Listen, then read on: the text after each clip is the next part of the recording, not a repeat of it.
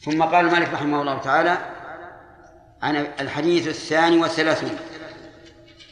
عن أبي سعيد سعد بن مالك بن سنان الخدري رضي الله عنه أن رسول الله صلى الله عليه وعلى آله وسلم قال لا ضرر ولا ضرار. حديث حسن رواه ابن ماجه والدار قطني وغيرهما مسندا ورواه مالك في الموطأ مرسلا عن عمرو بن يحيى عن أبيه عن النبي صلى الله عليه وسلم فأسقط أبا سعيد وله طرق يقوي بعضها بعضا. طيب. الحديث يقول يقول النبي صلى الله عليه وعلى آله وسلم لا ضرر ولا ضرار. الضرر معروف. الضرر يكون في البدن ويكون في المال ويكون في الأولاد ويكون في المواشي أنواع. ولا ضرار أي ولا مضارة. والفرق بين الضرر والضرار أن الضرر يحصل بدون قصد والمضارة بقصد. ولهذا جاءت بصيغة المفاعلة.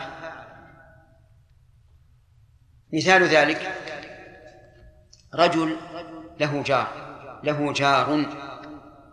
وعنده أي عند الرجل شجرة يسقيها كل يوم. وإذا بالماء يدخل على جاره ويفسد لكنه لم يعلم. نسمي هذا إيش؟ نسمي هذا ضررا.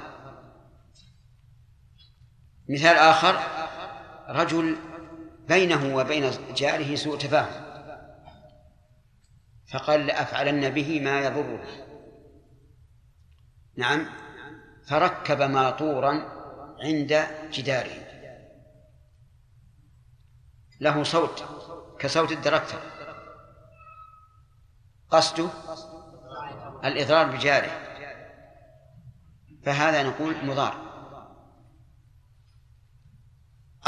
المضار لا يرفع ضرره إذا إذا تبين له بل هو قاصد.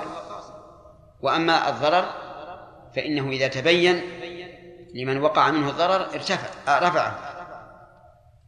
هذا الحديث أصل عظيم في أبواب كثيرة ولا سيما في المعاملات كالبيع والشراء والرهن والارتهان وكذلك في الأنكحة. يضار الرجل زوجته أو تضار زوجه. وكذلك في الوصايا. يوصي الرجل وصية يضر يضر بها الورثة. المهم القاعدة متى ثبت الضرر وجب رفعه. ومتى ثبت الإضرار وجب رفعه.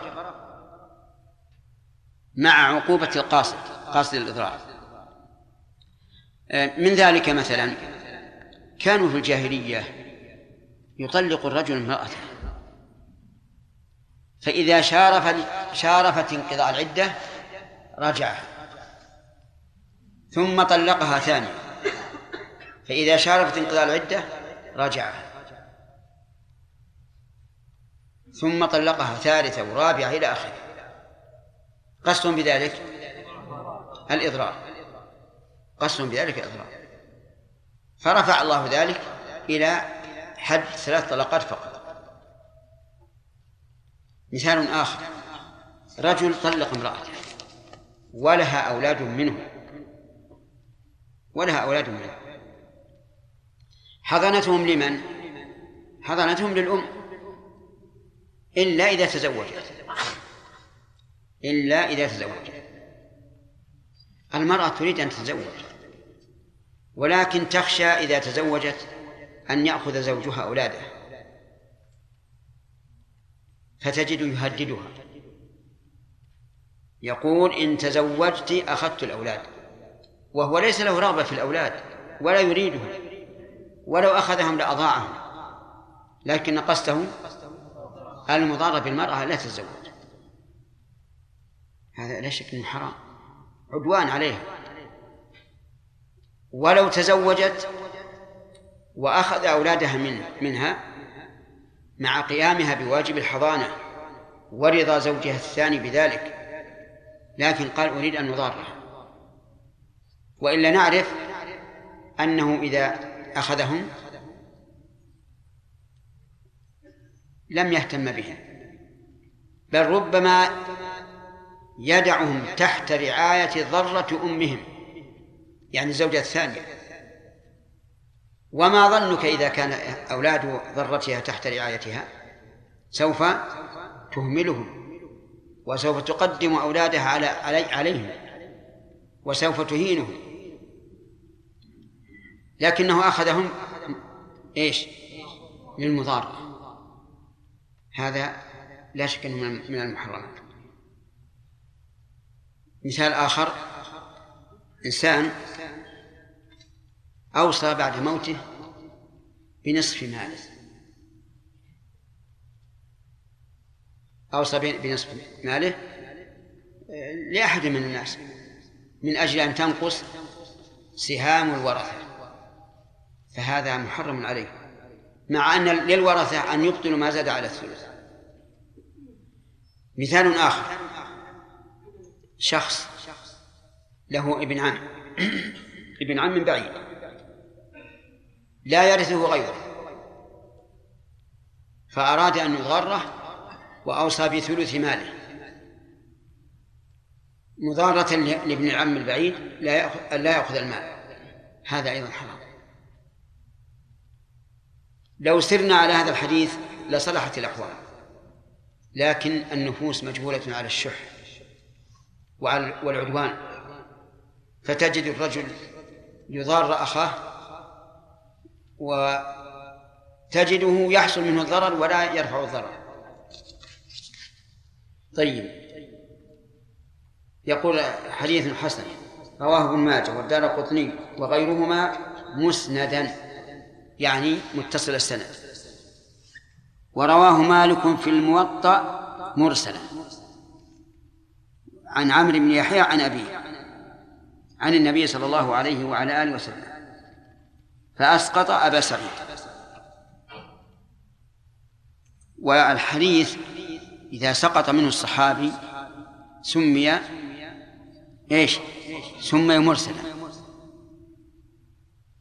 ولكنه رحمه الله عن النووي قال له طرق يقوي بعضها بعضا. ولا شك أنه إذا تعددت طرق الحديث وإن كان كل طريق على انفراده ضعيفا فإنه يقوى.